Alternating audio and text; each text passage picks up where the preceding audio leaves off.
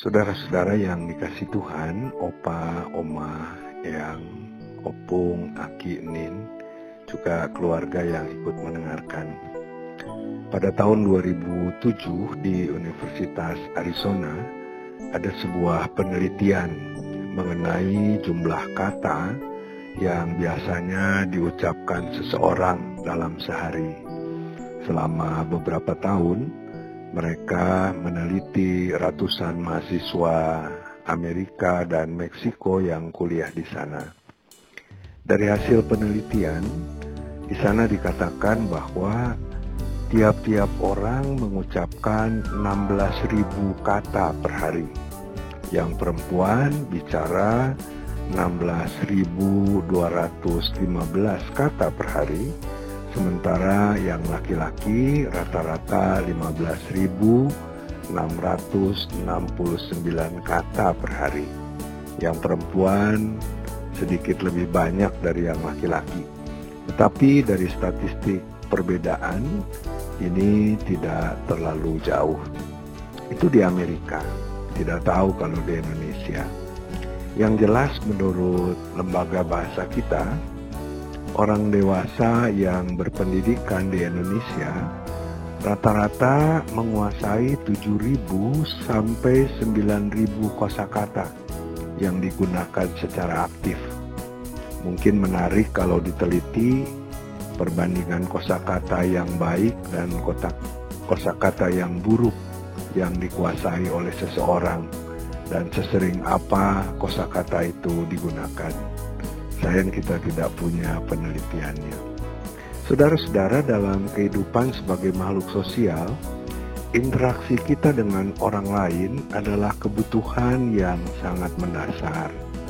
Persoalannya apakah interaksi kita, komunikasi kita itu berbuahkan kebaikan atau hal yang sebaliknya. Menyampaikan kata-kata atau tulisan pada orang lain ternyata bukan sesuatu yang mudah. Karena bukan tidak mungkin apa yang kita maksudkan dengan kata-kata kita itu tidak dipahami seperti yang kita maksudkan. Bisa disalahartikan. Perbedaan pendapat, salah paham, tidak jarang terjadi bahkan dalam relasi dengan orang-orang yang sehari-hari bersama dengan kita apalagi dalam lingkungan yang lebih luas dengan latar belakang budaya yang sangat beragam di tengah masyarakat kita, juga perbedaan generasi yang kadang-kadang menyampaikan istilah-istilah atau kosakata yang tidak kita mengerti.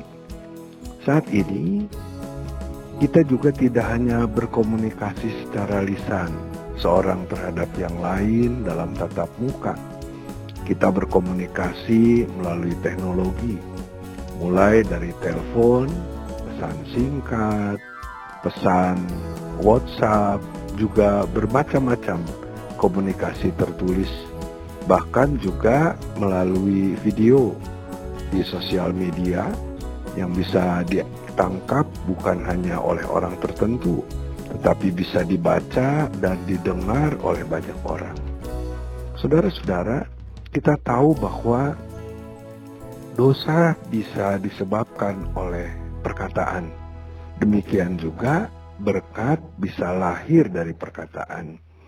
Kata-kata yang berisikan penghakiman, penghinaan, makian, yang memperlihatkan kebencian, itu bisa merusak hidup seseorang, membuat putus asa, bahkan bisa membuat seseorang kehilangan masa depannya karena kata-kata yang didengarnya.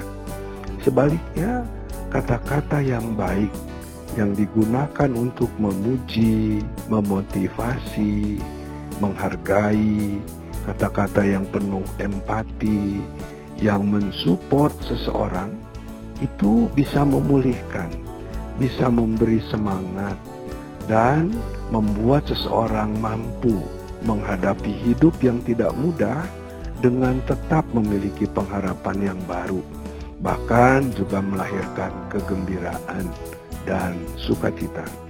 menjadi pelaku firman dalam kehidupan ini dalam banyak hal berkaitan dengan kata-kata yang kita ucapkan atau kita sampaikan. Kata-kata yang selaras dengan kasih Allah. Dalam Yakobus 1 ayat 19 dikatakan, Saudara-saudara yang kukasihi, perhatikanlah ini. Hendaklah tiap-tiap orang cepat untuk mendengar, tetapi lambat untuk berbicara dan lambat untuk marah. Dalam Efesus 4 ayat 29 dikatakan juga, Janganlah ada perkataan kotor keluar dari mulutmu, tetapi pakailah perkataan yang baik untuk membangun di mana perlu, supaya mereka yang mendengarnya beroleh kasih karunia. Selain berhati-hati dalam berkata-kata, saat kita berada dalam posisi mendengar, membaca pesan, maka kita juga sadar bahwa kita harus bijak dalam mendengar, tidak langsung mengambil kesimpulan atas yang kita dengar, sehingga kita tidak terpancing untuk merespon apa yang kita dengar dan yang kita baca secara negatif. Kiranya setiap perkataan kita boleh menjadi sapaan kasih Tuhan terhadap sesama kita. Amin. Mari saudara-saudara kita berdoa.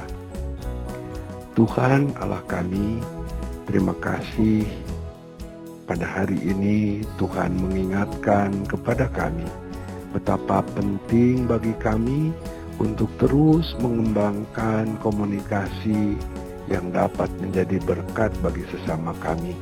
Kiranya Tuhan selalu mengaruniakan kami hikmat, kesabaran, kemampuan untuk membawa kasih Tuhan yang dapat membawa sukacita dan damai sejahtera bagi orang-orang di sekitar kami, orang-orang yang kami kasihi.